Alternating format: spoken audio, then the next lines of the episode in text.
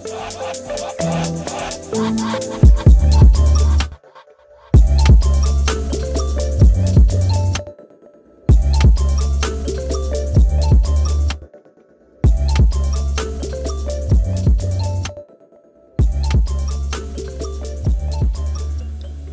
kallid kuulajad, oled jõudnud kuulama podcasti nimega Emotsionaalsed mehed. tänane episood hashtag number kaheksa. Ja täna me keskendume natuke rohkem äh, Krisile. räägime natuke rohkem Krisist, kes ta on, kuidas seda elu näeb, mis on tema suur kirg siin elus, kuhu poole ta liigub, kust ta on tulnud ja nii edasi. ja uudiseid. ega meil vist mingeid uudiseid ei olegi, tahaks, meil on iga saate alguses on see traditsiooniks saanud, et me täname inimesi, kes on jätnud meile siis review äh, või väga siiralt kirjutanud midagi meie saate kohta. aga kuna me lindistame praegu seda saadet ette, siis ei, ei saa, ei oska nagu kedagi tänada et äh, kui sa meile vahepeal oled kirjutanud review jätnud ja mõtled, et miks me ei täna sind nüüd, siis ära muretse, et järgmises saates juba kindlasti täname. ja alustuseks võib-olla küsiks, küsiks Krisilt, et kuna sinu elu keskne kirg on, eks ju, kirjutamine. et kus, kus sa esimest korda, millal oli see esimene hetk, kus sa nagu mõistsid, et sulle pakub huvi kirjutamine no tere ka minu poolt, et äh, traditsioon äh,, traditsioon number seitse, hashtag viis äh, jäi meil saate alguses tegemata, et äh, mina olen Kris ja mu kõrval on. Martin Pukspuu Martin Pukspuu nagu alati, et aga, aga küsimus Martinile, äh, tähendab küsimus mulle Martinilt on asjakohane ja ma tegelikult vastaksin võib-olla sellele selliselt, et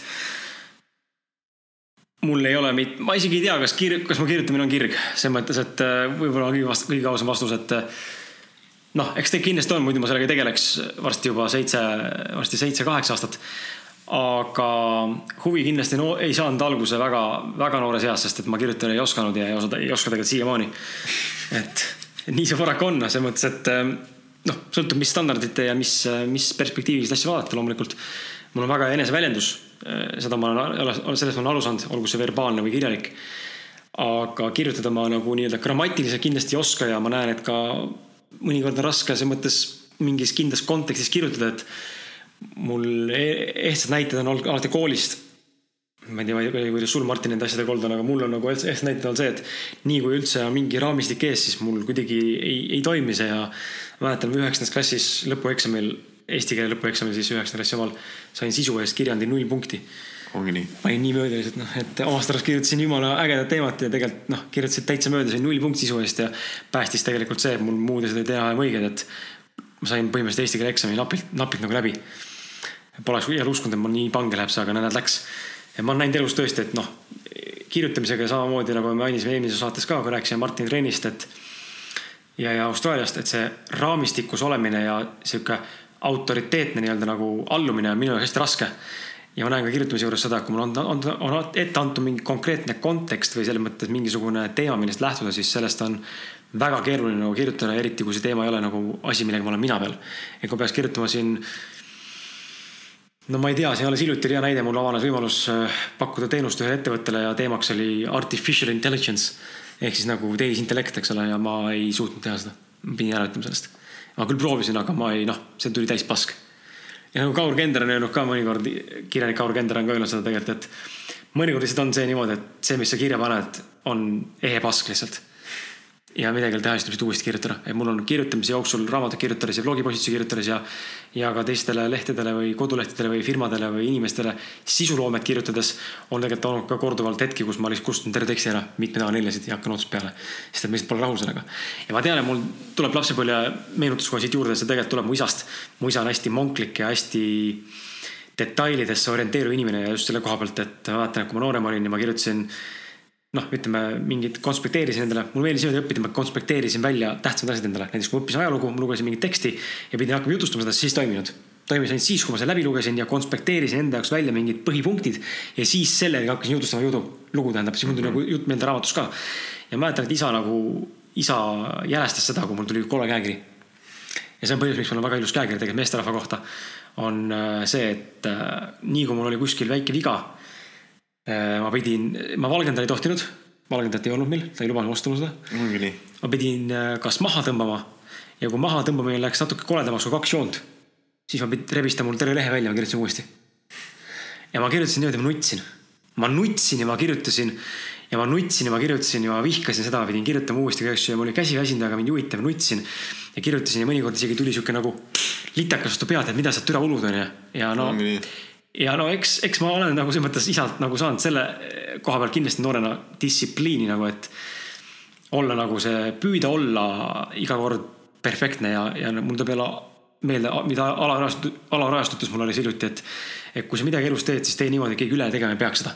ja kirjutamises ma näen küll, et see on asi, kus nagu mul on meeletu areng veel tegemata, et ma näen väga palju, kuidas tegelikult kui midagi valmis kirjutad, siis käid seda pidevalt üle ja tegelikult ka praegu ühes kohas töötades ühes ettevõttes ma näen, kuidas tegelikult inimesed, kes seda pärast loevad, saavad öelda, et näed, siin on mingi viga või see oleks võinud parem olla.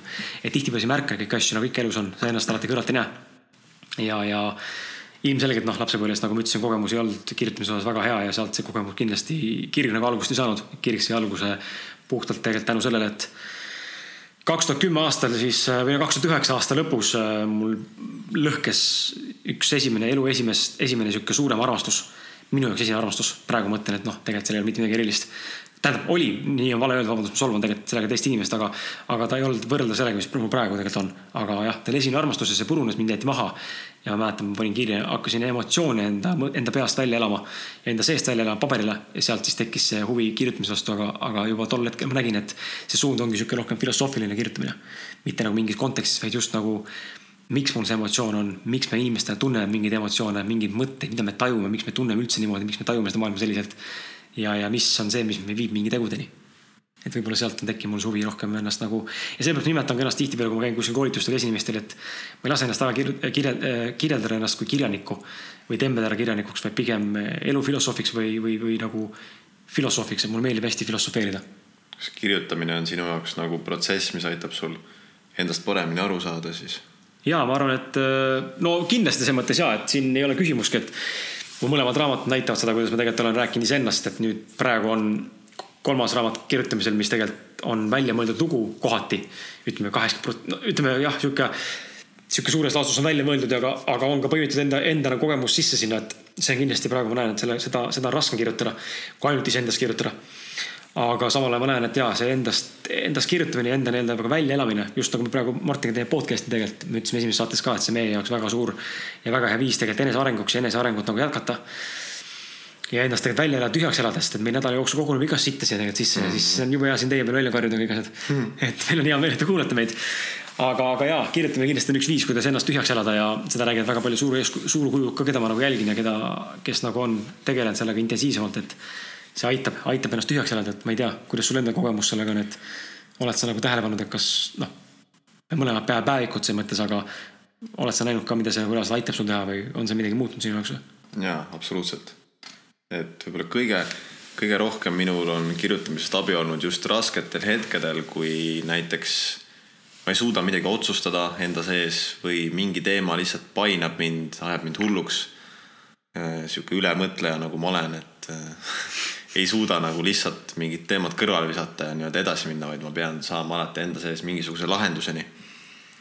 siis ma olen tihtipeale võtnud appi kirjutamise ja lihtsalt kirjutanud kõik mõtted enda seest välja, vaadanud asja mitme eri nurga alt, pannud oma mõtted paberile. et siis seda näha jälle kõrvalt ja, ja väga tihti sihukestel nii-öelda keerulisematel või raskematel hetkedel ma olen nagu ma ütlesin nagu vene aktsendiga. keerulisematel hetkedel Anja, Anja. Anja mõjutab juba igastahes nendel hetkedel ma alati olen saanud hästi palju abi kirjutamisest. mul on siuke tunne, et mul. ongi aktsent küljes. ongi aktsent küljes et aga, aga ma tegelikult tahtsin seda ka öelda veel, et mm,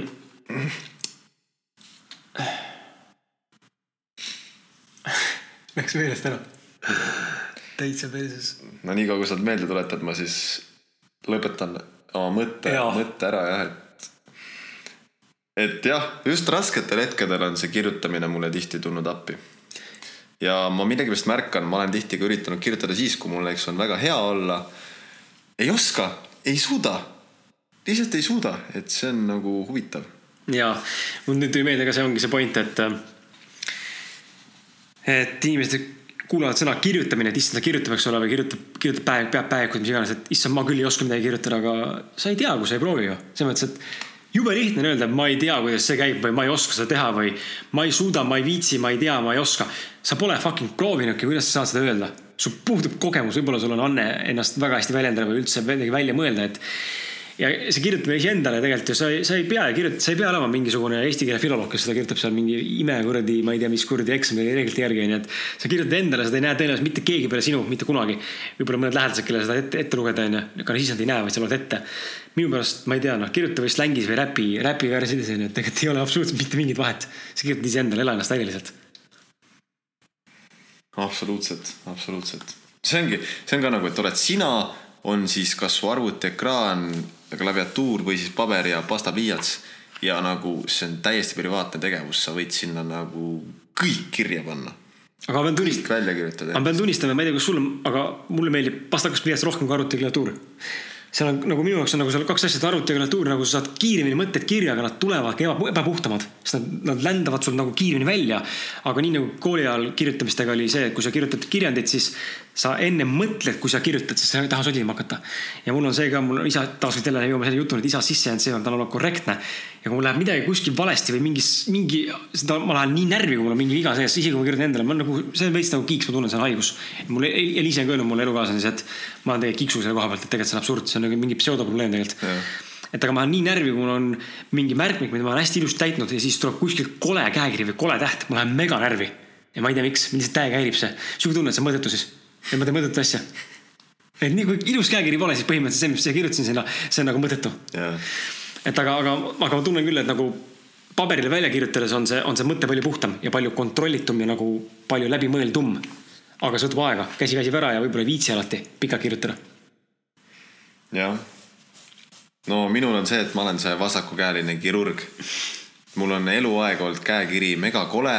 Ma kirjutan hästi aeglaselt, ma teen hästi palju nagu vigu, et see, et mu tähed ei tule tihtipeale ilusad ja ja seetõttu ma ilmselt, ma ei naudi seda käsitsi kirjutamist väga, sest mul lihtsalt, mul läheb käsi nii krampi, ma olen ise ka üleni krampi, sest et ma nagu tahan kirjutada ilusalt, aga kui ma kirjutan ilu, üritan kirjutada enam-vähem nagu ilusalt, siis mul läheb mega aeglaseks nagu mingi algklassi õpilasel see kirjutamine. ja siis, kui ma üritan kiiremini kirjutada, siis läheb jälle mega koledaks ja mega palju pean sodima ja värki ja siis ma pigem, pigem ma eelistan kirjutada arvutis.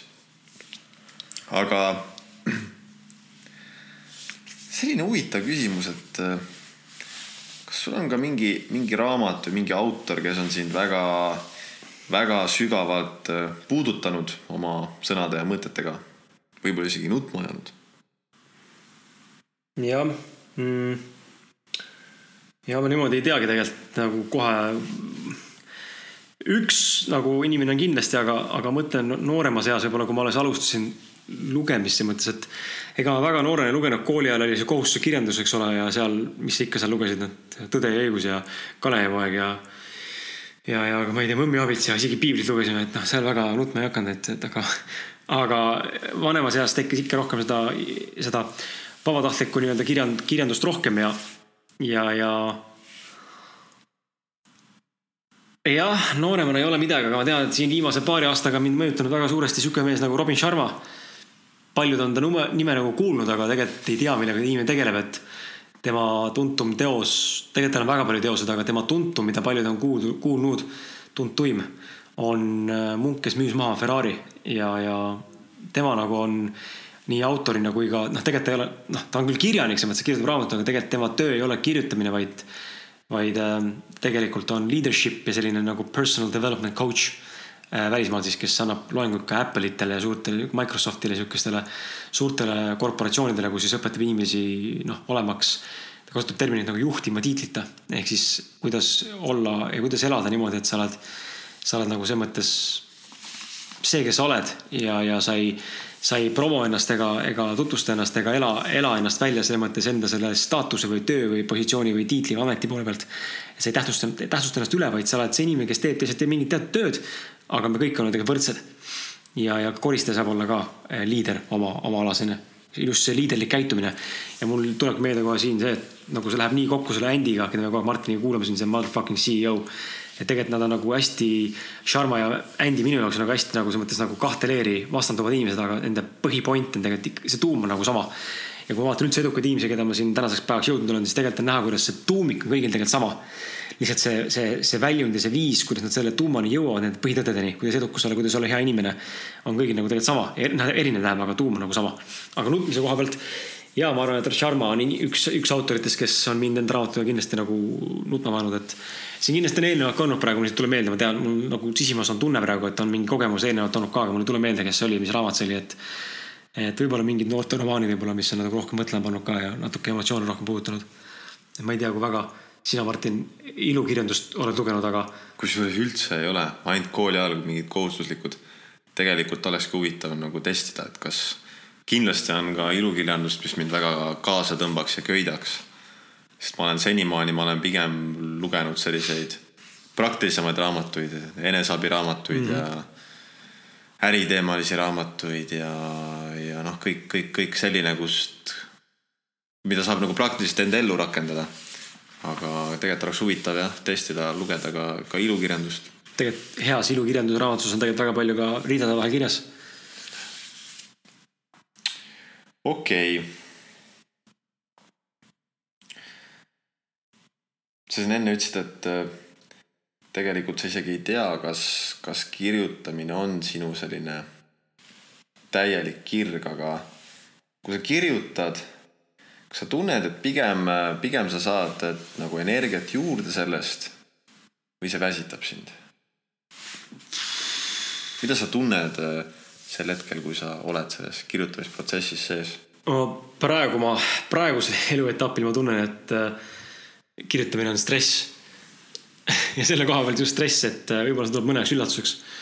et inimene, kes on kirjutanud kaks raamatut ja kirjutab kolmandat, et räägib oma, oma alast, millega tegeleb, et see on stress tema jaoks. või kuidas on kirjutamine, jah, siis räägi sellest ka, et kuidas see kirjutamine on sinu jaoks aja jooksul nagu muutunud ja ta nagu, ta nagu stress selle koha pealt, võib-olla ma üritan ennast nagu väljendada selle koha pealt niimoodi, et ta nagu stress selle koha pealt, et ma tean, ma pean kirjutama, sest mitte keegi teine minu eest valmis ei kirjuta. aga samal ajal ma olen äh, tihtipeale satun enda mingite pseudo ja ebavajalike vabanduste küüsi. ja nagu ikka me inimeste nagu eelmises saates mainisime ka, me vihkame mugavustsoonist väljaminekut. ja jube mugav on istuda, mitte kirjutada, eks ole, sest mugavustsoonist väljaminek tähendab seda, et me hakkama aga pean hakkama lihtsalt kirjutama ja hakkama tegema seda, mis mulle ei meeldi, sest et see tuleb praegu raskelt teksti, ma ei ole lainel kuidagi mitte kunagi ja. ja, ja sellepärast ongi mul suur stress, et ma, mul ei ole nagu progressi. ja, ja see nagu, kuna ei ole progressi, siis ei ole ka arengut ja ei ole arengut, siis pole ka tulemust ja üldse kuidagi see seisab minu jaoks praegu. ja see nagu muserdab, sellepärast et aeg läheb muudkui edasi, eks ole, päevad tiksuvad mööda, nädalad tiksuvad mööda.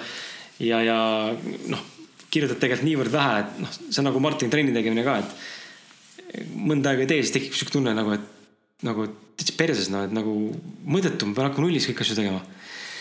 ja mul on samamoodi selle valdkonnaga, et kuidagi jääbki sihuke mulje, et noh, et see on nii, nii nagu, nii eemal olen juba sellest emotsionaalselt ja kuidagi igatepidi, et ma ei, nagu ei tahagi kätte võtta seda, aga samal ajal ma tean, et mind kripeldab see, et tegelikult see peaks ammu olema valmis juba.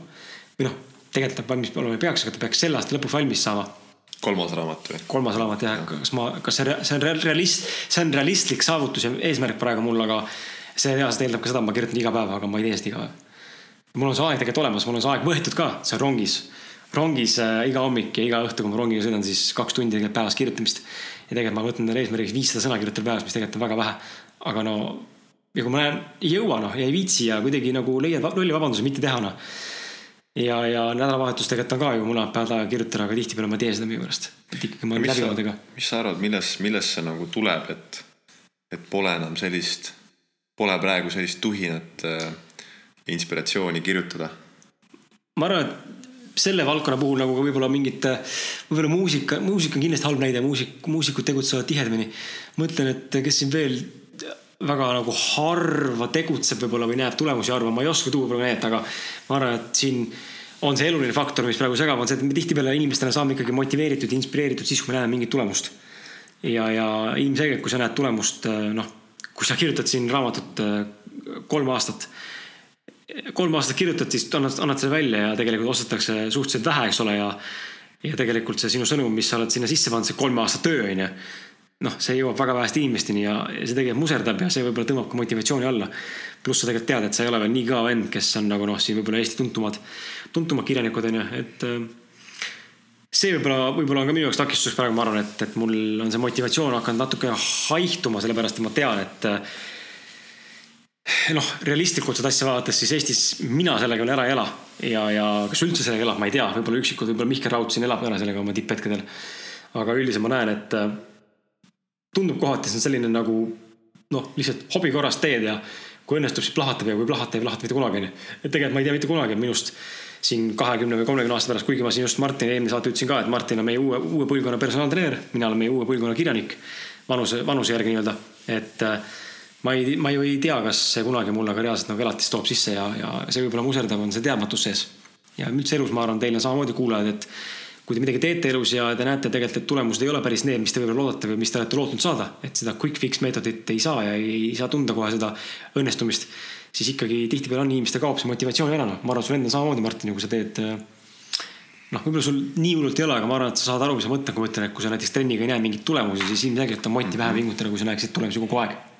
Jah, see on võib-olla jah, nagu võib-olla see ka, et ma ei ole veel nii pikalt trenni teinud, ma ei ole nagu, ma olen eluaeg küll teinud trenni, aga just võib-olla sellist keharaskusega treenimist ma olen alles teinud siin üks kaks pool aastat.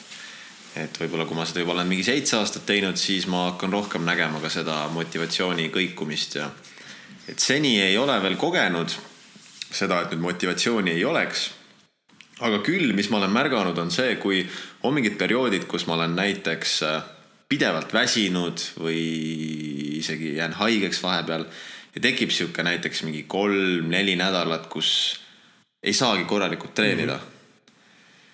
siis nii-öelda uuesti korralikult alustades on küll, kui ma näen seda, et mul on mingid näitajad on näiteks langenud, et kas jõudu on vähem või, või näen, et natuke lihast kaob, et eks, eks see on ikka natuke siukene raske vastu võtta, et noh, kurat küll nagu jälle nii-öelda samm tagasi astutud, et jälle hakka ehitama. et teed teed, aga nagu ei, ei ole päris see jah? jah, aga noh, õnneks kuna ma ikkagist suures pildis naudin kogu seda treeningprotsessi, siis see ei ole kunagi nagu niimoodi probleemiks veel saanud ja tegelikult ma üldse näen nagu selle teema veel rääkides, et inimesed kindlasti teavad, millest me räägime, kindlasti on tundnud ka seda, kuidas areng nagu seisab mingil määral ja sa seisad ühe koha peal paigal ja see ei ole mitte kunagi hea tunne tegelikult. eriti kui sellega koos on ka veel teadmatus. ja, ja aga samal ajal ma tegelikult näen väga hästi praegu, olles täna informatsiooni juures, mis tegelikult väga hästi selgitab mulle, näitab seda, kui, kui oluline tegelikult pingutada, vahet pole, mida sa fucking sees tunned et kui sul on sitt tunne või mul ei ole piisavalt tuju või mul ei ole piisavalt tahtmist või ma ei tunne end hästi või ma ei viitsi ja siis tegelikult tuleb noh, lihtsalt lähed ja fucking teed seda, onju. ja, ja, ja ma näen, et äh, kirjutamisega võib-olla sama asi, et tegelikult tuleks ennast nagu kokku võtta ja lihtsalt äh, ära teha see. Martin irvitas siin kõrval et tuleb ära teha see, sest et äh, muidu ei ole arengut lihtsalt. Jah, miks ma irvitan siin kõrval on lihtsalt see, et kuulajad ei tea, aga me salvestame hetkel kolmandat saadest järjest. eks kaks pool tundi juba rääkinud. kell on kell on üksteist, kaheksateist õhtul, me alustasime vist mingi kell kaheksa, me oleme tegelikult, ma ei jummel. Ei, me alustasime mingi üheksa vist, ma ei teagi, ma ei teagi, mis me alustasime, aga me oleme kaks pool tundi kin-, no, no kolm on täis vist. kolm tundi juba rääkinud, et. tegelikult on väsimus juba tunda. nii, kui, kui sa hakkasid rääkima seda, et vahel tuleb teha asju vastumeelselt siis ma nagu märkasin, kuidas vahepeal nagu sihuke hakkab nagu kokku jooksma see klots juba ja no ongi, no sunnid ja tuleb ära teha. aga see ongi, vaata, see ongi meie praegu selle, selle nagu pointi juures hea katsetus tegelikult läheb sellesse samasse teemasse ka, et meil ei ole lihtsalt varianti, sest Martin läheb reisile ja väga halb on, ma kujutan ette, et noh, väga vastik võib olla see kvaliteet ja ka see tulemus, mida võib-olla anname sealt välja, et äh, üks on Barcelonas, teine on Tallinnas, et noh, see ei pruugi, see ei pruugi toimida. et sellepärast me pidime otsuse vastu, vastu võtma ja täna lindistame kolm fucking saadet järjest. mis tegelikult on päris haige katse, ma tunnen ka, et ma tegelikult olen väsinud. ja see tegelikult noh, ja kõik need teemad tegelikult, mis ma praegu siin vaatan, tegelikult päris mahukad teemad tegelikult.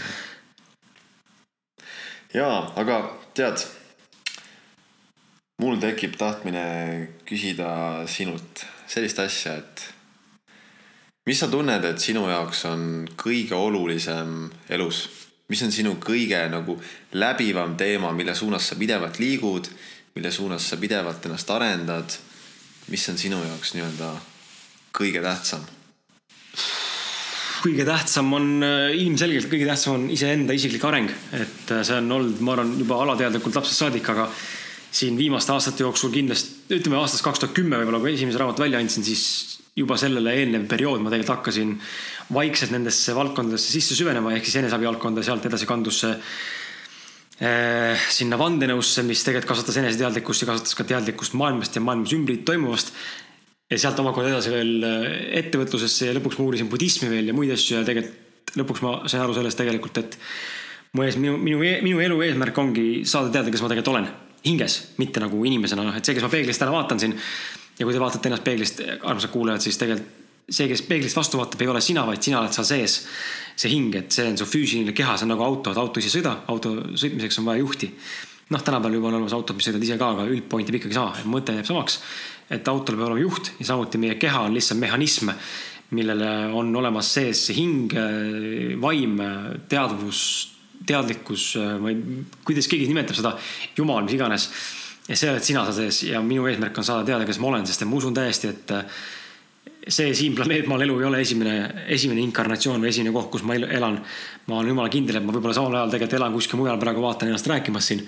see on ka võimalik, eks ole, mitte ulmesse minnes, aga, aga, aga lihtsalt ma tunnen, et äh, ma tunnen, et siin on, siin on enamat väljaspool meie seda eksistentsi hetkel siin planeetmaal.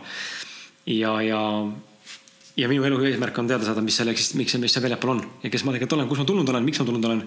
ja miks ma olen selline, nagu ma olen, sest me kõigil on erinevad iseloomud, erinev silmavärv, erinev juuksevärv on ju, mis kõik minu jaoks viitavad tegelikult erinevatele noh, ütleme siis kosmilistele rassidele päritolule, ma ei hakka siin, ma ei hakka siin rääkima tulnukatest, sest see on teine teema, aga üldiselt ma usun siukseid asju ja, ja ma näen, et seal on minu jaoks mingisugused tõepärad. Seega minu ees, minu eesmärk, ma arvan, suurim on ikkagi saada teada, kes ma olen, mõista seda rohkem, kes ma inimesena olen ehk siis eneseteadlikkuse pool. ja, ja samal ajal kasvatada nagu, kasvatada ja anda mõista ka ja aidata mõista ka teistel inimestel seda, kes nad tegelikult on. et see minu, minu suur-suur kirg olnud juba lapsest saadik on, on rääkida inimestele ja õpetada inimesi, mitte just õpetada, et ma olen mingi lektor või nagu õpetaja, aga just nagu suunata ja aidata nagu mõista seda, et siin, et saab ka teistmoodi mõelda, saab ka teistmoodi asja analüüsida, saab ka teistmoodi enda sisse vaadata ja ennast võib-olla tõlgendada, et see, et me siin Martiniga väga emotsionaalsed oleme, see tegelikult näitabki seda, et saab ka teistmoodi olla mees. kui on see, et sa lähed trukid, paned lõuga, paned tina, teed tööd, jood õlut, vaatad jalgpalli MM-i onju, noh noh, see on muidugi hästi. hästi primitiivne onju, aga. hästi jah, äärmuslik näide. äärmuslik näide onju ja muidugi jääb sinna, sinna vahepeal jääb tohutu muu mustrite süsteem veel, aga, aga siis on see teine äärmuslik näide, mis on see, et meie oleme need, kes tegelevad hästi intensiivselt iseendaga.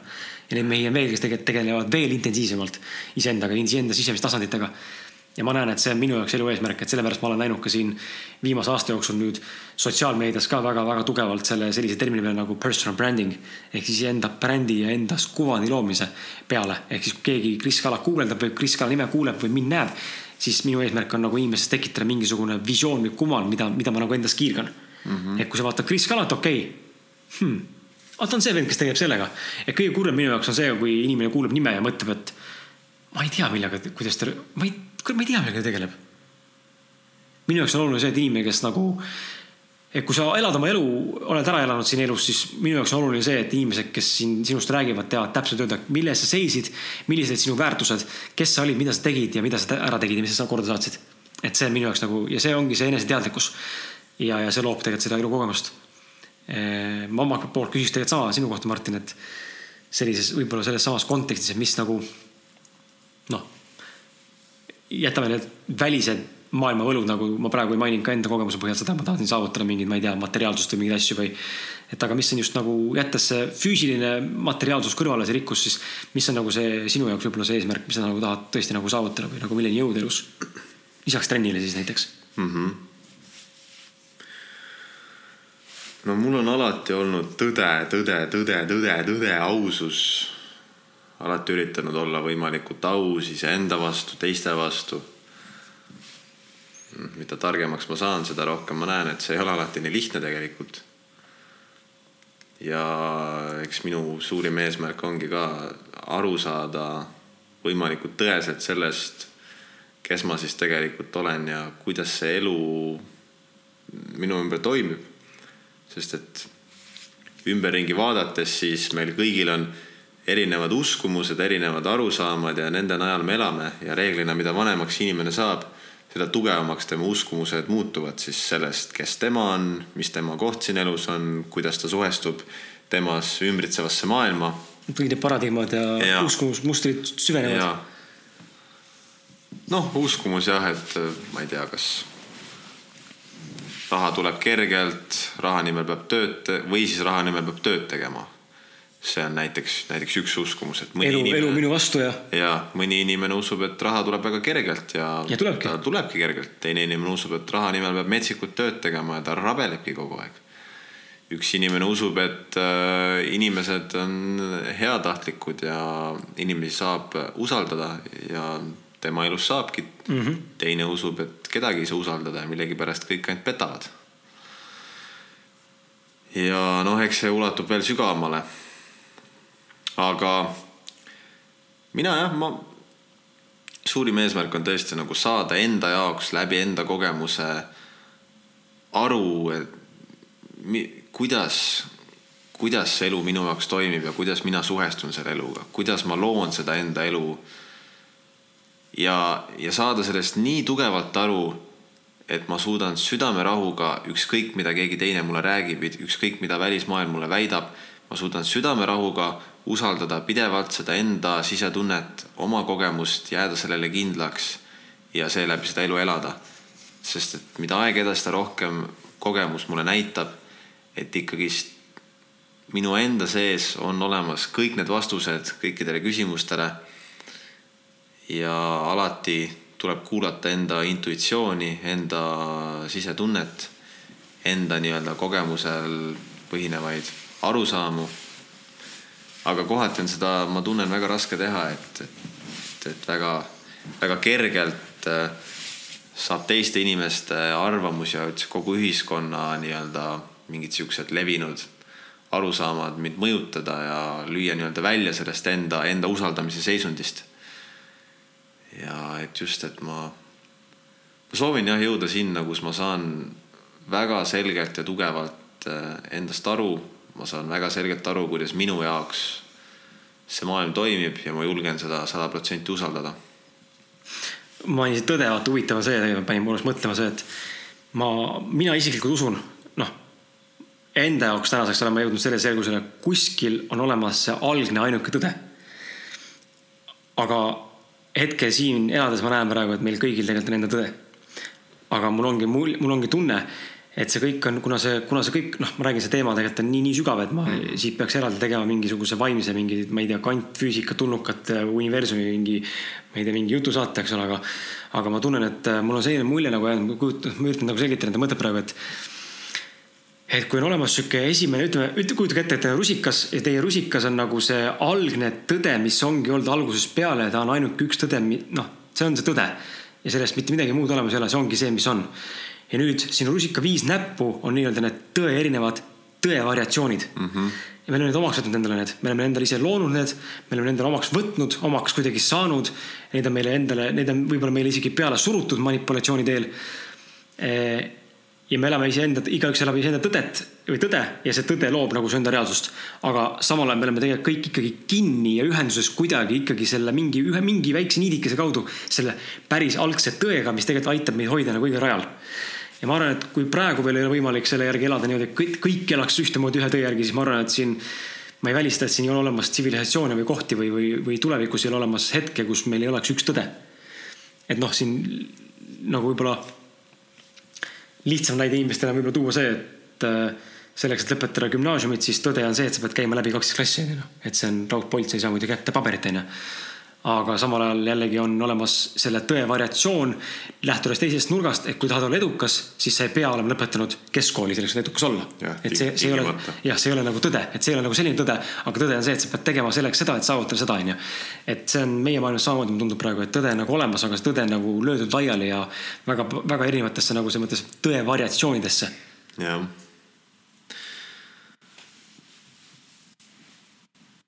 jah, see on huvitav, see on huvitav, et tunnen näiteks minus põrkub väga tihti see, et äh, enda sees ma nagu justkui jõuan pidevalt selleni, et äh, ära, et ära üri-, et Martin, ära ürita liigselt kontrollida seda elu enda ümber mm. -hmm. sa ei saa, sa oled osa millestki suuremast, sa võid ju oma väikse egoga siin mõelda, et davai, ma kontrollin ja teen ja muudan ja kontrollin oma, oma elu ja seda need tihti need eduteooriad räägivad ka, et see on kõik puhtalt sinu teha, võta fucking tööta, pane töö sisse, muuda kõike enda ümber.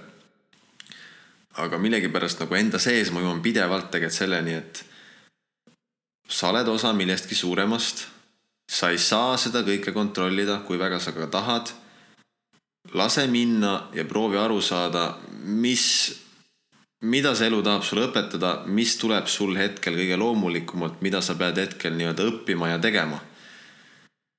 aga siis samas ongi ja tihti ma nii tihti lähen sellega vastuollu, sellepärast et äh, see ühiskond ümberringi ju pidevalt ütleb, et et ei, sa ei saa ennast kuulata, et sa pead, sa pead rabelema, sa pead tegutsema, hustle, hustle, grind, grind, grind on ju. vahet pole, kui sa ei naudi seda, võib-olla sa ei naudi seda mitte kunagi, aga siis sa lihtsalt õpid seda nautima ja teed ja teed ja teed ja rabeled ja tegutsed ja. ja vot sellest, see on näiteks minu üks suurimaid vastuolusid, et kus see tõde sellest nagu peitub.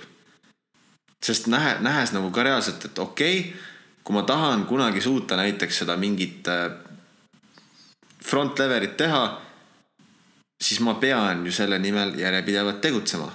see iseenesest see front level minuni ei jõua. aga nüüd jah, et kust läheb see piir, kust juba tuleks endalt küsida, et okei okay,, kas see front leveli nimel töötamine ei ole lihtsalt nagu see, et ma nui neljaks pean selle saavutama, mis sest, et ma protsessi ei naudi ja kui ma selle ükskord saavutan, siis ma näen, kui mõttetu oli selle eesmärgi mm -hmm. tagaajamine tegelikult. ja mis on nagu see, kus nagu tuleks natukene ikkagist teha ka vastumeelselt panna see töö sisse ja jõuda eesmärgini. tänane maailm, ma näen, siit tuleb mõtte täiendus kohe juurde, et tänane maailm on kindlasti ju liikunud väga survival instinkti peale üles, selles mõttes, et sa pead ellu jääma siin ja seal ongi see hustle mode on ülioluline. mida ma samuti näen, et äh, ma ise usun ka seda, et me tegelikult oleme iseenda saatuse sepad, aga samal ajal ma tegelikult usun ka suuremas pildis seda, et ma ei usu nagu saatusesse, selles mõttes, et ma ei usu, et see on kuskil destiny või nagu saatus, mis on ette määratud, et nüüd sa seda, nüüd sa, nüüd on noh, raudpolt nii on ja kõik ongi pekkis, et kui sa oled mõelnud ära surema, siis sa oled ka onju, et noh, võib-olla tõesti, aga minu jaoks tundub see pigem selline, et et see on nagu üks võimalik tõenäosus, kui ma selle nimel, kui ma mitte midagi nagu selle nimel ei teeks, et see juhtuks aga ikkagi igapäevased valikud nagu ongi, et olla edukas või mitte edukas või teenida nii palju või teenida naa palju või teha nii või naa. Need on ikkagi minu enda otsustada. ja samal ajal ma nagu tahtsin tuua seda lihtsat näidet, võib-olla, et inimesed äkki saavad paremini aru, et et need väiksed valikud ja suured valikud tegelikult mõjutavad, eks ole, ja kuskilt ülaltpoolt vaadates tegelikult tundub see nii mõttetu ja samas hea onju. et kujutage ette, teil on Tallinnast, Tallinnast väljumas üks auto ja teine auto on väljumas näiteks Keilast ja sõidavad üksteisele vastu. ja autojuht, kes jõuab selle hetkeni, kui ta kohtub autojuhiga, kes tuleb Keilastele vastu, kohtuvad umbes tõenäoliselt mingisuguse, ma ei tea, äkki neljakümne minuti jooksul, onju. aga kui sa nüüd lähed sellest samast pildist, lähed distantseerud nagu ülesse taeva poole, siis sa näed ju mõlema, ühe, üht, mõlemat autot ühes samas sekundis. mõistad? sina näed mõlemad üht, ühes samas sekundis, aga nende perspektiivist vaadates näevad nemad alles teineteist neljakümne minuti pärast. aga sa näed nelikümmend minutit järjest neid ühes samas sekundis ehk siis see võib-olla ongi sama asi, et meil on siin väiksed sammud, mida me igapäevaselt teeme, aga kuskil on ikkagi see suurem pilt, mida me oleme tulnud tegelikult tegema siia, ma arvan. ja selles mõttes ma usun, et eelmise saate tõestus võib-olla ja ka tegelikult selle saate tõestus ikkagi on see, miks Martin esimene küsis, küsis nagu ära kirja kohta, et ma tean, et ma olen tulnud siia kirjutama. Ja ma olen tean, ma tean, ma tean, et mulle on antud selline hääl ja selline eneseväljendusoskus, nagu mul on. see on kindla eesmärgiga, see ei ole niisama. ma ei ütle, et ma olen tipptegija, mul on väga palju areneda veel, aga ma näen, et mul on väga-väga võimas ja väga kuulekas viis, kuidas inimesi panna kuulama. ja ma tean, mul tuleb isiklik kogemus siit meelde, kuidas mul on mitu korda öeldud, mul on olnud võimalusi väga mitmeid käia nagu koolides esinemas ja rääkida, rääkida ka erinevatele, pidada loenguid selles mõttes inimestele mingitel teemadel. Ja ma olen näinud ja mulle on öeldud seda, et minu, minu hääles on mingi eripära, mis paneb inimesi kuulama ja ma olen võimeline tegema ka väga lihtsa ja samas ka väga keerulise teema väga lihtsaks niimoodi, et inimene on võimeline mind kuulama ja, ja see on minu kirg ja see on see, mida ma olen tulnud seda tegema, ma arvan. lihtsalt, lihtsalt, kas ma olen leidnud õige väljundi selleks, seda ma veel ei tea. et kas ma oskan, et kas ma olen suutnud leida nagu rakendust selle asjale niimoodi, et kas võib-olla tõesti kirjutamine ei ole õige, õige asi onju. võib-olla kirjutamisest kasvab midagi muud välja. aga lihtsalt hetketeie on kirjutamine selle ande nii-öelda nagu rakendamiseks, seesama Martini trenn on ju, et ta teeb praegu trenni, aga võib-olla see trenn ei olegi tegelikult see, mida tegelikult tuli tegema see ilma. võib-olla tuli hoopis siia inimesi ma ei tea, mis iganes see võib olla, eks ole, et võib-olla see trenn lihtsalt on jälle see suund mm, -hmm. etapiline, kronoloogiline viis selleni jõuda selleks, mida tegelikult on tulnud tegema siia. noh, sest et paratamatult me näeme, kui ise, mõelge ise, kui sul on, see on nagu kõige lihtsam näide võib-olla on elektri peal ka, kui sul on mingi asi, mis ei suuda vastu hoida mingit võimendit või mingit eh, energia nii-öelda jõudu, siis see lihtsalt plahvatab, läheb puruks onju. ja sama asi on inimestega, ma arvan, et kui meil tuleb see info üleküllus, siis me tegelikult ei võta vastu kui keegi ütleks sulle täna kohe nüüd, et nii, Martin, sinu eesmärk on umbes nii, hakata üle maailma reisima ja rääkida tuhandetele inimestele iga päev ühte sama asja, siis võib-olla see tunduks sulle sihuke, mida perset lihtsalt. Oot-oot-oot, ma pean ju kõigest loobuma või? aga võib-olla kümne aasta pärast on see loogiline, sa teed seda, sest elu on viinud selliselt sinna mm. -hmm. ja seda olen näinud ka enda kirjanikuks olemise puhul ja üldse enesearengu juures, et elu on läinud nagu kronoloogiliselt läbi erinevate raamatute, erinevate kogemuste, erinevate inimeste, erinevate seminaride, erinevate juhtumite, asjade just siia, kus ma täna olen inimesena ja seda nagu huvitav on jälgida, et tegelikult see on nagu nii, see on nagu läinud niimoodi täpselt nii, nagu ta minema pidi mm. -hmm. Ma ei, ma ei muudaks mitte midagi, on olnud tõusumõõnaseid, aga, aga reaalselt ma ei muudaks mitte midagi, sest ma näen, et see on olnud, see iga, iga kogemus on olnud meeletult oluline. ja, ja noh, nii ta ongi noh, selles mõttes. ja me tihti nagu kadestame teiste, vaatame kasvõi Instagramis mingi kellegi, kellegi profiili, kes tundub, et justkui väljast vaadates, et elab nagu megalahedat elu ja tihti tekib see, kindlasti sinul ka, ma tunnen, minul tihtipeale tekib see sihuke kadestamine ja sihuke tunne, et kurat, selle inimese elu tundub nii lahe, et nagu tahaks ka sellist elu mm. -hmm. aga need ongi ilmselt need hetked, kus on hea endale meelde tuletada, et ei, tegelikult sa ei taha selle inimese elu. tegelikult sa tahad enda elu ja sa tahad leida selle enda potentsiaali üles ja selle enda nii-öelda sisemise power'i ja mida sa oled tulnud siia elusse tegema ja see on see, mida me kõik tahame tegelikult, aga aga jah, niimoodi olles kogu aeg selle sotsiaalmeedia keskel väga lihtne on nagu hakata kellegi teise eesmärke taga ajama ja ennast kaotada nii-öelda. Ennast kaotada jah. ja see ongi see, et sa ei taha, saad aru, sa ei taha tegelikult täita teiste inimeste eesmärke, sellepärast et kui sa tahaksid, kui sa oleksid tõesti kade ja sa tahaksid täista, täista, täita teiste inimeste eesmärke, siis sa fucking teeksid seda juba. aga seal on põhjus, miks sa ei tegele sellega, sest järelikult sind ei koti see. seega ära tunne, ära tunne nagu kadedust millegi üle, mis sind tegelikult ei huvita absoluutselt. see on täiesti mõttetu aja raiskamine. jah kust sa ise kõige rohkem inspiratsiooni saad? no äh, raudpolt äh,, raudpolt, ma arvan, et ikkagi elust enesest. just nagu endale neid, need näited, mis tulevad ja need tõestused ja asjad, mis juhtuvad ja näitavad tegelikult, et elu ongi niimoodi ja nii nagu oled lugenud võib-olla kuskilt, nagu sa ütlesid ka, et oluline sinu jaoks lugemist nagu rakendada, vaata enda elus praktiseerida. ja ma näen sama, ma võib-olla mingit asja lugenud, praktiseerida ei oska, aga siis, kui oled valmis selleks, siis tuleb kogemus kuskilt, mis tegelikult näitab seda, mida sa just lugesid või lugesin mõnda, mõnda aega tagasi. et kindlasti raamatud äh, ja inspireerivad filmid ja, ja inspireerivad inimesed ja koge-, isiklikud kogemused on need, mis mind kõige rohkem motiveerivad, et kui ma näen kedagi, kes teeb midagi väga hästi ja ma suudan sellega resoneeruda, näiteks noh, toon näite, kui keegi teeb äh, ma ei tea, Martin näiteks teeb trenni väga kirglikult, siis mul tekib ka tahtmine sedasama asja enda valdkonnas rakendada. ja see motiveerib, et siin ei pea alati olema nagu samas valdkonnas tegutsev inimene tore, kui on keegi, kes on samas valdkonnas tegutsev inimene, aga tihtipeale näiteks mina ei resoneeru üldse kirjanikega. ma vaatan neid kirjanikke ja, ja ma tahan saada ka, minu suur unistus kirjanikuna on saada ikkagi New York Times bestselleriks ehk siis Ameerika New York Times äh, nii-öelda edetabelite tippu jõuda. noh, kui selle ära saavutad, siis tõenäoliselt noh, seal on elu, karjäär korras ka. aga, aga see vajab meeletut tööd. see vajab väga head turundust, see vajab väga palju raha ja see vajab väga õiget aega ja väga õiget hetke ja väga palju kogemust Eh, kas ma sinna kunagi üldse jõuan, ma ei tea, aga see on mu vaieldamatu soov.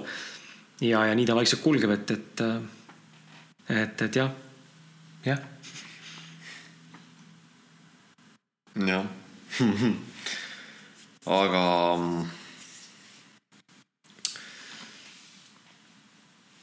vaatan, sul on siin kirjas. meil on siin väiksed kavapunktid ees ja, ja mul on siin kirjas sihuke asi, et ma, eks ma, ma olen ise vahel ennast guugeldanud lihtsalt huvi pärast, et näha, mis nii-öelda kuvand minust on internetis, Google'is. kas sa ka teed seda? oota, aga räägi enda, enda omast, mis sa avastanud oled, milline, mis järelduseni jõudnud oled? loomulikult Google'i taga tuleb kohe rõhutada, et kuna ma selle valdkonnaga natuke olen tegelenud, siis seal tegelikult tuleb rõhutada seda ka, et väga paljuski informatsioonid, mis üles leidub, on kõik tegelikult seotud sihukese asjaga nagu termin nagu seo ehk search engine optimization ehk siis otsingumootori optimiseerimine ehk siis vastavalt sellele, kuidas sa suutnud mingeid asju kirjutada, mingeid asju üles ehitada ja nii edasi. ehk siis tegelikult see ei pruugi alati näidata seda, kui hästi tegelikult inimesed nagu sinu kohta midagi üles leiavad, sest väga tihti on see, et info tegelikult, mis oled sina, on varjatud mingisuguse, ma ei tea, mingite mõttetute artiklite või mingite uudis, uudiste pealt, mis tegelikult on noh, kollane, kollane meedia nii-öelda onju et aga räägi, Martin, mis sa enda kohta leidnud oled ja, ja mis sulle nagu tundub, kui inimesed sinust nagu räägivad. mis, mis mulje sa endast jätta võid, mis mulje sa võid jätta kuulajatele, praegu on kaheksas saade. et äh, mis sa nagu arvad, mis, mis mulje on sinust jäänud? hea küsimus. aga tee nüüd väike ene, eneseanalüüs. kaheksa saadet kokku, teed tagasi. ma ei suuda enam. ma olen nii väsinud juba jah, see on küsimus, kuhu ma ma tunnistan, ma ei suuda praegu sinna süveneda. aga muidu küll ma, ma tihti mõtlen, ma olen ise ka kusjuures hakanud just viimasel ajal natuke rohkem, just tänu siis sellele personaaltreeneri tööle ka, kuna otseselt mul ei ole noh, mul on selles mõttes tööandja, mul on mingisugused rühma, rühmatrennid, mida ma nii-öelda annan.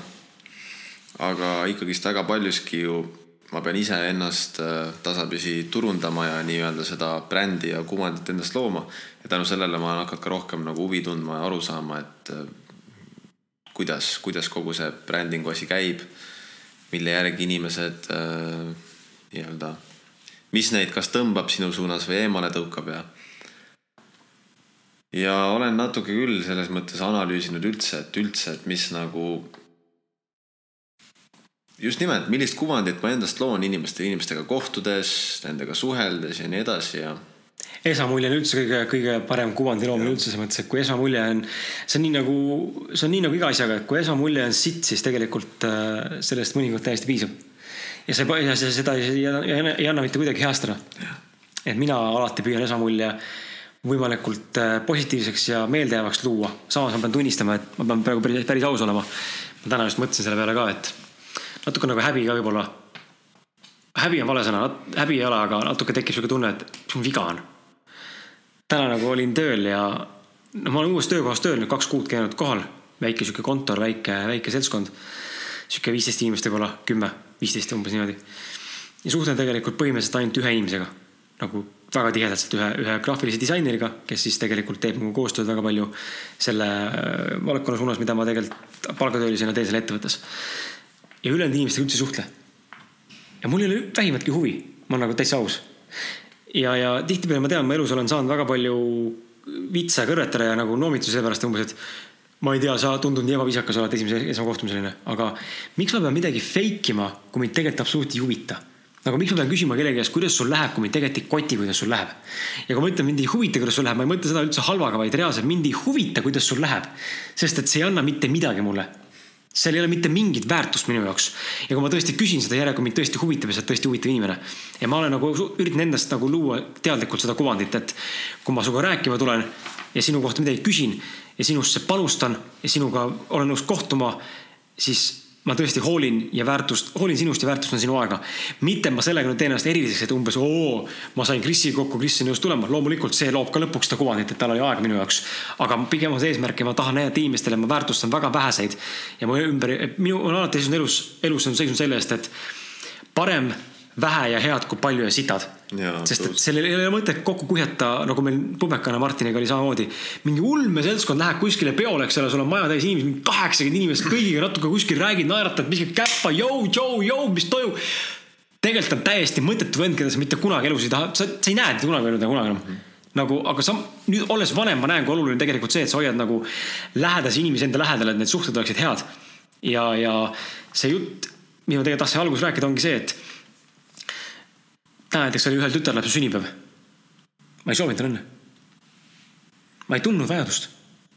ja see kõlab minust väga ebaviisakalt võib-olla, et issand jumal, ta ei soovinud õnne, sest me oleme harjunud sellega, et ikkagi viisakus on element on väga oluline, eks ole, sa pead ikkagi olema viisakas, elementaarne viisakus, eks ole, õpetatakse väiksest saadik meile. putsis elementaarne viisakus, ausalt.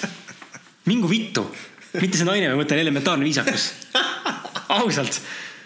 Ja mis viisakus on ju, see on kõik ju kok- fucking kokkuleppimine, kas ma olen vähem viisakam, kui ma ütlen sulle hommikul tere ja ütlen sulle õhtul head aega ja vahepeal päeva jooksul lasen selle ukse sisse, avan uksi sulle või ütlen sulle aitäh või palun või, või, või nüüd ei soovi sulle, ei soovi sulle õnne või kas see on nagu, kas ma olen vähem viisakam või? ei ole, lihtsalt ma otsustasin seda mitte teha ehk siis inimesed, aga inimestel on mingi pseudo arusaam sellest, mis asi on viisakas ja mis ei ole viisakas ja tegelikult see ongi see, mis esmakohtumisel samuti on tegelikult näha, et kui ma, see, kuidas ma kellelegi tere ütlen või kuidas ma kellelegi otsa vaatan või loomulikult ma alati naeratan ja olen viisakas, aga lihtsalt nii absurd on see nagu, et inimesed ootavad mingit jubedat, mingit ekstreemklassilist kõrget, mingit staatilist eneseväljendust ja mingit ime kuradi viisakust, siis no sorry, no mida vittu see üldse teeb, mida see parandab inimeste suhetes nagu, ole viisakas, no me jõuame siin aususe, aususe teema Ei, jõuame ka aususe- teemana, ongi, nagu, noh. kui sind tegelikult ei huvita, kuidas läheb, siis ära küsi, kuidas läheb ja. Sest ma näen väga palju, kui inimesed küsivad, kuidas sul läheb ja sa hakkad rääkima, siis tegelikult sa näed, inimene ei, ta isegi fucking ei kuula sind. aga mida vittu sa üldse küsid siis? käi perse lihtsalt. ausalt, ole vait ja ära küsi üldse siis küsimust, kui sa, kui sa küsid midagi sellise tundega, kuidas sul läheb või, või mis sa teed või mida sa mõtled või, või, või millega tegeled, siis fucking kuula inimest. sest sellega sa näitad inimest, et sa hoolid tast ja see tõesti läheb sulle korda. aga kui sa küsid küsimuse ära ja samal ajal sa mõtled selle peale, kuidas sa eile pihku lõid, siis no türa mine perse lihtsalt mida sa irvitad? ma läksin nii käima, ma tunnen, see on nii, see on minu jaoks nii südame, südamelähedane teema. ma näen ja seda ma naerangi. see on nii südamelähedane teema, minu jaoks nii närvi lihtsalt inimeste juures. kõik on nii kahepalgelised värdjad lihtsalt. nii on noh. ja seda ma üritan ja see on, see on tegelikult point, mille ümber ma en- enda nagu brändi ehitan ka, olla aus, nagu me Martiniga kogu aeg räägime siin selle saate jooksul ka. meie saade on ka, põhineb aususel ja siirusel ja ehtsusel ja, ja reaalselt äh, jumal tänatud, tahtsin öelda, kui sulle see ei meeldi, siis mine sinna, aga jumal tänatud, teile meeldib see saad aru, teile nii meeldib see, see on nii tore. meil on tekkinud tegelikult siuke kollektiiv, kes meid kuulab ja kes tegelikult meiega resoneeruvad ja tegelikult saavad aru, mida me tegelikult, millest me tegelikult praegu räägime. jah. kurat jah, ma tahtsin lisa, lisada ka midagi sinna teema. lisa türa siis noh. kõik jälle nagu klapid peas. ehmatas täiega, aga. jaa, ma, sest ma olen ise ka mõelnud selle peale palju viimasel ajal, et no millist nagu, millist esmamuljet ma jätan inimestele ja kuidas inimesed mind näevad ja, ja ma ei tea ausalt öeldes. sellepärast, et ma tean, et mul on väga palju filtreid vahel, mis tulenevad lapsepõlvest, mis tulenevad hirmust, mis on nagu siukest ennast maha tegevad, kritiseerivad, mis nagu pärsivad minu seda võimet üldse nagu näha võimalikult objektiivselt kõrvalt, kuidas ma ennast presenteerin ja kuidas inimesed mind nii-öelda vastu võtavad ja näevad.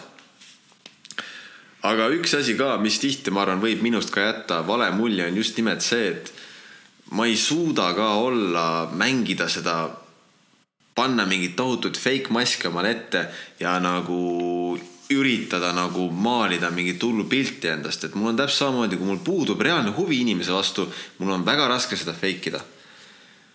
ja, ja see võib ka jätta minust siukse nagu ülbe mulje võib-olla kohati või nagu siukse mulje, et ma olen ülituim või mind ei huvita või kuigi tegelikult lihtsalt äh, ma olen nagu, ma olen aus ja ja võib-olla tihti okei okay,, ma näiteks inimesega ei suhtle tükk aega, ei, ei räägi. oletame, ongi mingi uus seltskond, keegi inimene, ma võib-olla ei räägi temaga, ta mõtleb, et okei okay,, ma olen mingi ebaviisakas või mis iganes, mul on savi. Aga siis, kui mingi hetk äkki suhtlema hakkame, siis siis me leiame väga ühise keele ja väga tore on ja nii edasi. tahaks mõelda, et noorena, ma arvan, ma ei tea, kas sina kogesid kogenud, kui me nooremad olime, siis käisime ikka pidudel ja, ja ma käisin ka ja väga tihti seltskonnas just tütarlapsed ütlesid mulle seda, et, et mida vitt, mida vittu, miks sa nii ülbe oled? sest ma olin vait lihtsalt, ma olin vait ja, ja ma lihtsalt tundsin, et nagu, et sorry, aga ma ei ole ülbe lihtsalt, mul ei ole mitte midagi öelda sulle. Mida ma teen siin, panen kuradi maski, maski ette ja naeratan sulle ja ütlen sulle, et ma armastan sind ja kallis oled ja nii tore on sind näha või? ma fucking ei teagi sind. Et ja sama ma näen praegu, et ma olen nagu väga, ma olen nagu sotsiaalsel tasandil, ma tunnistan ja need, kes mind teadsid nagu aasta tagasi, Martin ise kindlasti näeb mind ka tegelikult kõrvalt praegu ja näeb ennast ka, see on loomulik ka, vanusega läheb niimoodi, aga ma olen, ma kunagi noorena siis tegin selle otsuse, et ma distants, distantseerun ennast täielikult sellest kõigest pidutsemisest, joomisest, laaberdamisest, et mul viskas see üle.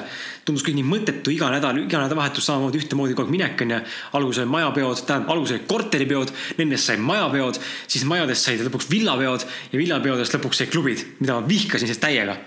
ja ma mõne, ma olen elus vist ühe korra käinud klubis, reaalselt nagu klubis niimoodi, ma lähen klubi eesmärgiga, nüüd lähen täna tant-, noh, ma ei ole kunagi tantsima, mis on üldse aru selles mõttes ka, aga.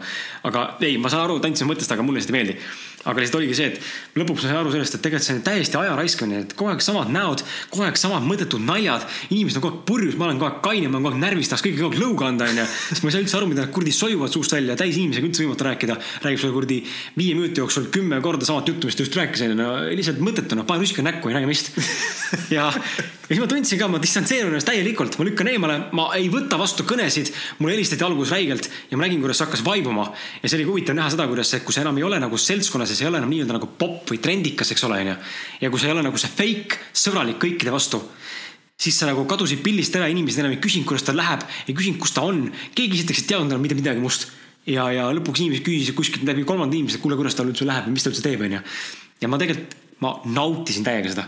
ma ütlen ausalt, ma nautisin täiega seda, ma suutsin teha selle teadliku valiku enda jaoks kvaliteetsema elu suunas ma ei ütle, et need inimesed olid halvad, see oli nende tee ja see mõne jaoks see tee jätkub siiamaani tänapäeval, kus nad veel kaklevad, joovad ja panevad tina ja nikuvad iga päev ühte, ühte võõrast inimest, onju. aga minu jaoks oli see täiesti, täiesti arusaamatu asi ja ma tahtsin saada muutust ja ma tegin selle muutuse. aga lihtsalt minu jaoks ongi hämmastav on see, kuidas inimesed julgevad öelda, et sa oled, sa, sa oled nii ülbe. ma ei ole fucking ülbe ma lihtsalt valin, kellega ma suhtlen ja kuhu ma energiat panen ja mida ma vastu võtan. sest et saage aru sellest ükskord, et elus üldse on kõik asjad, mida me teeme, kuulame, näeme, see, mis praegu kuulate, see on ju informatsioon. informatsioon talletub sinu alateadvusesse, me rääkisime sellest esimeses saates väga põhjalikult Martiniga, kuidas alateadvus loob meie emotsioone, see kontrollib meie fucking elu. ja kui sa oled alateadlikult vales informatsiooni sageduses või valel informatsiooni lainel, siis paratamatult oled sa ka valel eluteel mingil määral. ja sa oled mõjutatud. ja, ja ülimalt oluline on see, millist infot sa enda sisse lased, see filter on vaja peale ikkagi panna mingil määral. et lastel seda filtrit pole, väga tore, nad õpivad kõiki asju tundma, aga see filter tekibki, mul on sihuke tunne kohati nagu, nagu eesmärgiga, et sa oleksid võimeline filtreerima seda, mis on sulle, mis ei ole sulle omane. ei või? Martin magab juba lihtsalt Martin magab juba, aga ma olen lihtsalt on fire. ma olen lihtsalt jumala hoos. ma olen lihtsalt on fire. tulistad lihtsalt ma tahtsin tegelikult rääkida sellest, sellest veel, et äh, on kirjutamise koha pealt on tegelikult olemas sihuke termin nagu kirjaniku plokk. ja see kirjaniku plokk tegelikult kandub üle, aga miks ma selle teema nagu endale tegelikult siia piiblisse, kirja, saatepiiblisse kirja panin, on sellepärast, et tegelikult see kandub edasi ka Martinile. et äh, Martin mainis juba tegelikult, et tal ei ole seda, ei ole olnud nagu emotsionaalselt väga sellist motivatsioonilangust ja motivatsiooni puudulikkust, aga. trenni osas. trenni osas just, aga, aga ma näiteks näen väga hästi, kuidas kirjutamise puhul on näiteks see, et mõnikord nagu ma juba ütlesin saate alguses ka, väga raske on mõnikord kirjutada. Ehm, ja, ja, ja ma mõtlen endale mingi pseudovabandusi ja, ja mingi põhjus välja, miks ma ei peaks seda tegema. aga samal ajal, kui ma hakkan seda tegema, siis tekib see momentum mingi hetk, ehk siis see järjepidev tegutsemine tekib sihuke, sihuke healoomuline nii-öelda nagu kasvaja tulemuste suunas. ja, ja, ja asi nagu hakkab, hakkab lahti rullima, eks ole ja sellepärast on endal hea olla, ma ära tegin selle. ja täpselt sama ma olen kogenud ka trenniga, ma usun, et Martin on kogenud ka seda nii trenniga, võib-olla ka muude valdkondades, et kuidas on niimoodi, mõnikord sa hakkad tegema midagi, sulle üldse ei meeldi, sa ei, no, no perse, no ei taha, noh, ma mäletan väga hästi, kui sa ütlesid mulle esimene kord, kui me, kui ma palusin kirjutada sul, palusin kirjutada Martinile Facebooki selle, meie emotsionaalsed mehed selle eh, kirjelduse enda kohta. kui te lähete sinna meie Facebooki lehele, seal on see about või siis meist või kuidas ta eesti keeles on, ma ei teagi yeah siis seal on nagu info meie pildi all, kes on Martin, kes olen mina.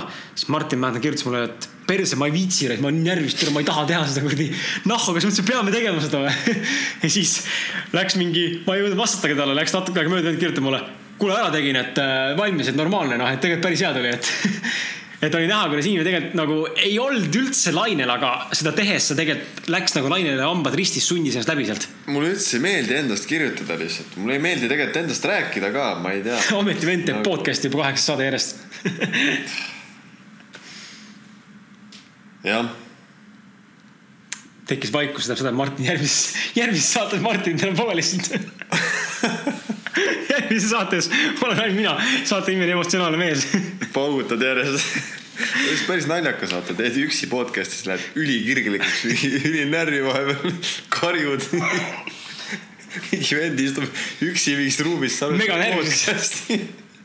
karjub lihtsalt. täitsa haige raisk.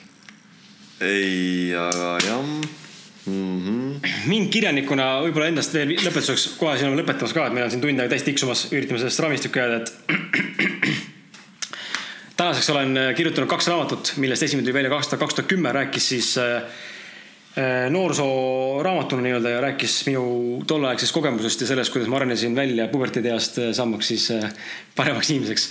ja, ja teine raamat on Mõistmaks, kes ma olen, mis räägib puhtalt Austraaliast ja millele eelneb esimene osa, raamat jaotatud kahte peamist osa, osakonda või ossa nii-öelda. kus on siis peatükid, et üks osa räägib Austraaliast ja sellest emotsionaalsest ja vaimsest ja, ja erinevatest probleemidest. ja esimene osa siis räägib sellest, nagu ma ütlesingi siin mõnda aega tagasi rääkisin sellest, kuidas meil Martiniga mõlemal on tegelikult elus olnud kronoloogiline järjekord nii-öelda elus, kuidas mingi asi, mingi asi on viinud. ja elukogemus, ma olen selle kirja pannud väga detailselt, et et kui on soovi lugeda, kuidas äh, võib-olla vaimsem maailm tegelikult inimest võib mõjutada, ma ei ütle, et sinu puhul see nii on, aga you never know, siis mine kindlasti mine kindlasti kuula ja, ja kuula jah, lollakas, mine kindlasti loe, et äh, loe läbi ja vaata, võib-olla resoneerub millegagi, võib-olla mitte, et äh,. et kindlasti tasub olla avatud, selles mõttes seda ma näen kindlasti elu juures. et Martin on kindlasti nõus, aga ma näen, ta on väsinud, aga. Mis on, väsinud, ei. Martin on kindlasti nõus, ma arvan sellega, et elus tuleb olla avatud selles mõttes, et äh, sa mitte kunagi ei tea. noh, see, mis sa tead täna, ei pruugi olla homme enam tõde sinu jaoks. absoluutselt see, kui Martin hakkab lihtsalt naerma, siis on teada värk, et see mees on omadega läbi lihtsalt. aga, aga siis ei olegi midagi, nüüd on kokku tõmmata saade, sest, sest et äh, mul ei ole midagi rohkem eriti lisada kirjutamise koha pealt ja, ja enesearengu koha pealt eh, on su, Martin, äh, võib-olla, võib-olla, võib-olla soovitada mingit raamatut, mida sa tahad soovitada, mida kindlasti võiks lugeda? mis on sind muutnud? või, või, või sind kõigutanud kõige rohkem? erinevates eluetappides erinevad raamatud. no aga võtame mõned üksikud, noh näiteks siit, ma ei tea, mis iganes valdkonnas pähe tulevad sul kohe. see, mis tuleb sul torust. mis mul torust tuleb? Mul ei tule kohe niimoodi midagi torust mm..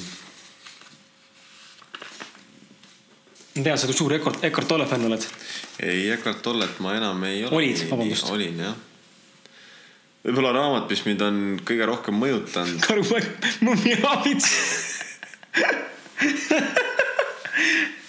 raamat, mis mind on kõige rohkem mõjutanud, ma vist nagu kardan seda välja öelda, sellepärast et mm, ma arvan, ma arvan, et enamik inimesi nagu ei ole üldse huvitatud siukse kirjanduse lugemisest. ära eelda, see on üks viga. selline raamat on nagu, autor on Jed, Jed McKenna ja raamatu nimi on Spiritual Enlightenment. ehk siis spirituaalne valgustumine. ja, ja ma arvan, et ta päris nimi ei ole tegelikult Jed McKenna, ma arvan, see on mingisugune kirjaniku nimi, mis ta on omale võtnud. Ja üldse sihuke väga anonüümne kuju, kellest nagu guugeldades mitte midagi ei leia, leiabki põhimõtteliselt ainult tema raamatud ja erinevad inimesed, kes tema teda nii-öelda ümber, ma ei tea, para-, parafraseerivad või mis see väljend on, parafree-, paraf-. ma ei tea seda väljendit, ma nii tark ei ole ja, aga igal juhul lihtsalt, kui sa oled ka võib-olla inimene, kes otsib sihukest nagu tõde ja üritab nagu aru saada, et mida, mida fuck'i siin üldse toimub ja siis see, see raamat jah, nagu heidab nagu tõesti ainuke autor minu meelest, kes reaalselt teab, millest ta räägib ja ja reaalselt nagu heidab pilku sinna, et mis see, kus suunas seda tõde leida ja, ja, ja, ja mis asi see elu üldse on ja kui, mis meie siin oleme. et see on mind nagu palju, palju mõjutanud. Veel mingeid soovitusi on sul üle teistest valdkondadest või kuskilt mujalt, mis lugenud oled mm.? mis see seksiraamat oli, mis see siis suhte, suhtesaates rääkisid? aa, see Mantak Chia äh, The Multi-Orgasmic Man. jah, seda soovitad ka? no ikka, ikka, selles mõttes need, kes tahavad, tahavad paremini aru saada seksi potentsiaalist. Äh, paremini keppida lihtsalt. paremini keppida jah, siis kindlasti soovitan seda raamatut, et mina nii-öelda rakendan sealt mõningaid äh, nõuandeid ja täitsa, täitsa toimib. no vot. jah. ja, ja, ja omalt poolt mina võib-olla lükkan siia juurde veel kindlasti Robin Sharma juba mainisin teda ka, et ma ei hakka rääkima, kes ta on uuesti, et saate ise guugeldada ja vaadata, ta Youtube'is ise olemas ja iTunesis ka info olemas. aga tema raamatut kindlasti soovitan, et tal on väga-väga selles mõttes värvikalt ja just nagu, nagu ütlesin Martinile ka, ilukirjanduslikult suudab seletada ja ehitada üles story, mis tegelikult sind jubedalt puudutab nii emotsionaalselt kui ka igatepidi nagu tuues näiteid, mis tegelikult on väga elulised näited ja väga loogilised asjad, aga me oleme nagu unustanud need. ja teine inimene, kes võib-olla mulle siin noh, autorit ei soovitaks, aga raamat The Secret on kindlasti see väga levinud, mis mind kunagi mõjutas väga suurelt, et sellest, sellel külgetõmbeseadus üldse elu loomise teemadel on tegelikult kindlasti paremad raamatud ka olemas. Aga, aga selles mõttes, et äh, kui me peaks ikka tegema mingi aeg selle, äh, vabandust, korraks segan. Peaks, peaks tegema mingi aeg live story äkki, kui me podcast ime ka ennast Instasse ja, ja Facebooki, oleks lahe näha. aga, aga ja, ja, ja külgtõmbeseaduste raamatutes kindlasti The Secret'i alustada, kui tahate natuke saada seda basic ut alla. Ja siis Jeff Olsenit äh, nimega autor ja tema raamat on The Slight Edge, mis ta eesti keeles on. ma jään vastuse võlgu, guugeldage, et see räägib ka väga lähedalt sellest, kuidas elus tuleb igapäevaselt äh, teha neid väikseid vajalikke samme. ka siis, kui sulle need ei meeldi ja tunduvad ebamugavad ja sa ei viitsi, sa ei taha. selleks, et sind saavutaks, äh, saadaks tulevikus kunagi edu. et see on kindlasti mind mõjutanud viimastel kuudel väga palju ja brändingu koha pealt me siin brändingu mainisime ka siis Gary Veed, Gary Vee raamatut, Gary Vaynerchuki raamatuid soovitan kindlasti ja vaadata teda ka Facebookist, Youtube'ist järgi, et väga, väga asjalik inimene. aga tõmbame otsad kokku, meil on saade üle tunni jälle täis, kolmas saade on lõpule jõudnud, järjest lindistatud üle kolme poole tunni, täiesti ulme lihtsalt, mis vennad me oleme. minu meelest me pälvime küll kuradi Eesti top podcast'i saate tiitlit ja kui mitte täna, siis homme. ja kui mitte homme, siis tegelikult juba oleks pidanud eile saama selle et äh, mis seal ikka, me vaatame jälgi, kui te teate, kuidas saada võistlusesse Eesti parima podcast'id, siis andke teada, me paneme ennast kohe kirja. et tänu teie abile me sellega saavutame. Ja siis jagame teiega oma kogetud või võitu või auhinda, share ime kõik koos tänan, et sa kuulasid, et sa olid valmis kuulama, loodan, et said siit saatest veidi väärtust, ma läksin natuke tõsisemaks ka äh, sellel elulistel teemadel ja loodan, et ei olnud igav, vaid pigem vastupidi motiveeriv ja inspireeriv. mul jutt jookseb niimoodi fire up, ma panen järgmise saate üksi otsa kohe. Martin läheb vahepeal magama, panen ilmselt hommikuni äh, viis saadet veel teha siin ette ära, siis ja, ja ega ei olegi midagi, mina tänan ja mind saab jälgida at Kris Kala keskel kaks K-d Instagramis, Facebookis autor Kris Kala ja www.kriskala.com. Martin Pukspuu leiate üles at Instagramist, at Martin Pukspuu www.martinpukspuu.ee ja Facebookis personaaltee Martin Pukspuu. meie kanali emotsionaalsed mehed leiate üles at emotsionaalsed mehed Instagramist ja Facebookis emotsionaalsed mehed. ja kuulake meid ikka SoundCloudis ja iTunesis ning ärge unustage meid meie saateid alla tõmmata, sest nüüd on võimalik alla tõmmata saateid. andke meile arvustus, tagasiside on oodatud, olge valmis kuulama järgmiseid saateid, mis tulevad juba nädala pärast. ja aitäh veel kord, kuulasite, kohtume teiega järgmises saates. mina tänan ja aitäh, tšau. kas hingasid ka vahepeal? Ei noh, mina ka tänan see on praegu nagu hea tasakaal, et üks vend lihtsalt järjest paugutab nagu mingi pausi ka ei tee hingaga vahepeal. teine vend on mingi nagu juua täis flegmaatiline. Ah? aga selge, oli tahva. tšau minu poolt ka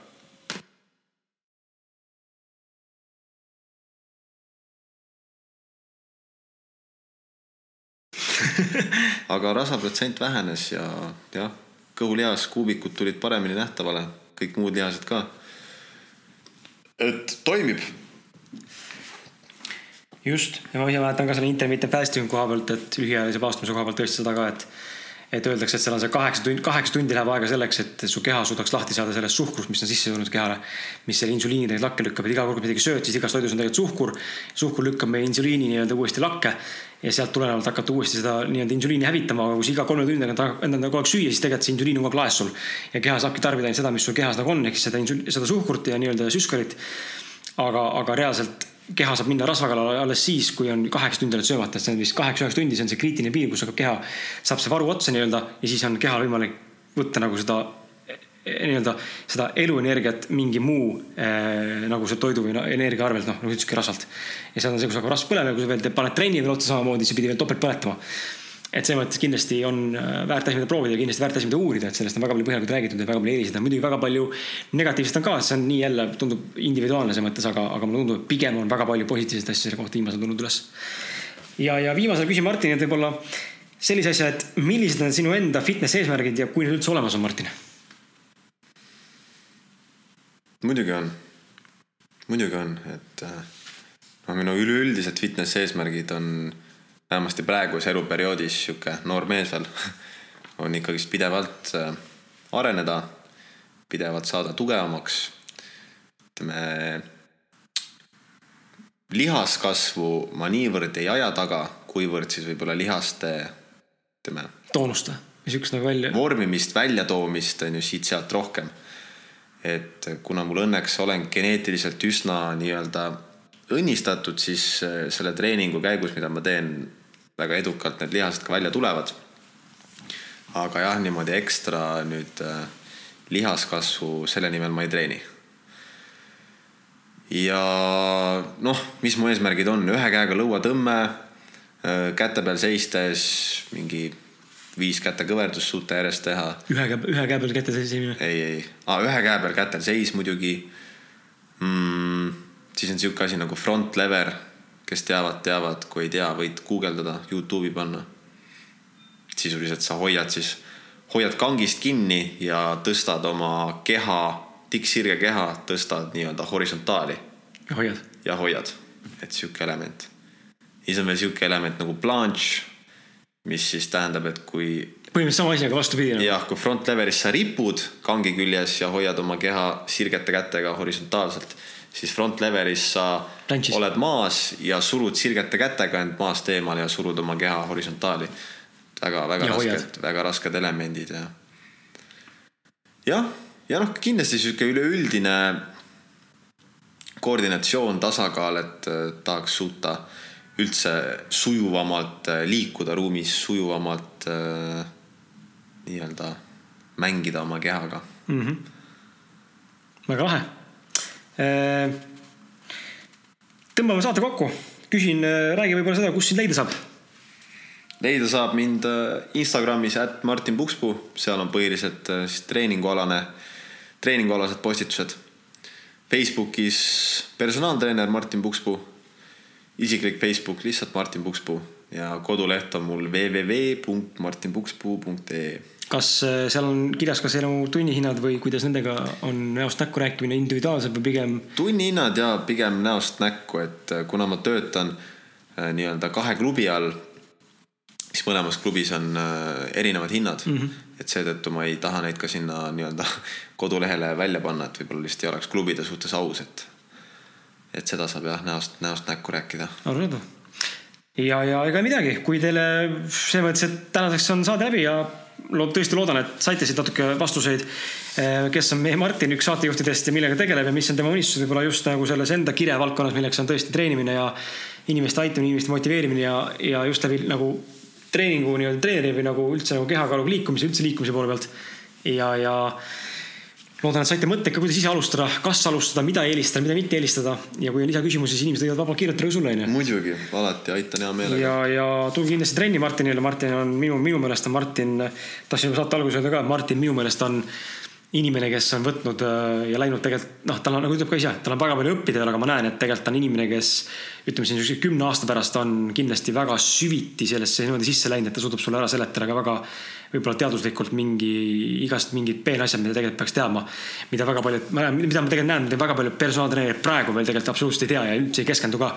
ja mul on mõned tuttavad, kes on väga asjatundlikud, näiteks siitpoolt ütlen tervitused tegelikult äh, Lemmo Jaanusele kes on äh, väga tubli treener, personaaltreener samamoodi, baseerub küll jõusaali peal rohkem, aga ma näen, kuidas tema on ka hästi, hästi selles mõttes detailidesse läinud oma õpingute ja oma, oma teadmistega ja on hästi-hästi teistsuguse lähenemisega, et äh, seda on nagu lahe näha, kui inimene teeb, teeb asju nagu hästi-hästi põhjalikult ja kvaliteetselt. ja sinus ma näen, Martin, sama asja, et sa praegu juba oled, aga kõva areng on olemas veel ja, ja siin viie aasta pärast kindlasti näeme, kus sa omadega oled kindlasti oled sa ju samuti nagu minagi, et äh, mina olen järgmise põlvkonna kirjanik, sa oled järgmise põlvkonna personaaltreener, see on selge noh, et tulevik on sinu aga jaa, meid emotsionaalsed mehed leiate at äh, Instagramis at emotsionaalsed mehed, Facebookist emotsionaalsed mehed ja me oleme SoundCloudis ja iTunesis samuti leitavad. Mind leiate at Kris Kala Instagramis keskel kaks K-d, autor Kris Kala Facebookis ja www.kriskala.com. ja Martin teeb meile hingamist, aga ei, lõpetuseks Martin, mingid lõpusõnad sinu poolt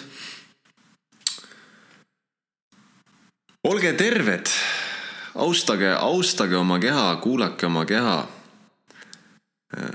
proovige oma kehale anda piisavat tund.